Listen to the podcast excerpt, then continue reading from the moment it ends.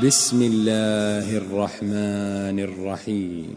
إذا زلزلت الأرض زلزالها وأخرجت الأرض أثقالها وقال الإنسان ما لها يومئذ تحدث أخبارها بأن ربك أوحى لها يومئذ يصدر الناس أشتاتا ليروا أعمالهم فمن يعمل مثقال ذرة خيرا يره ومن يعمل مثقال ذرة شرا يره.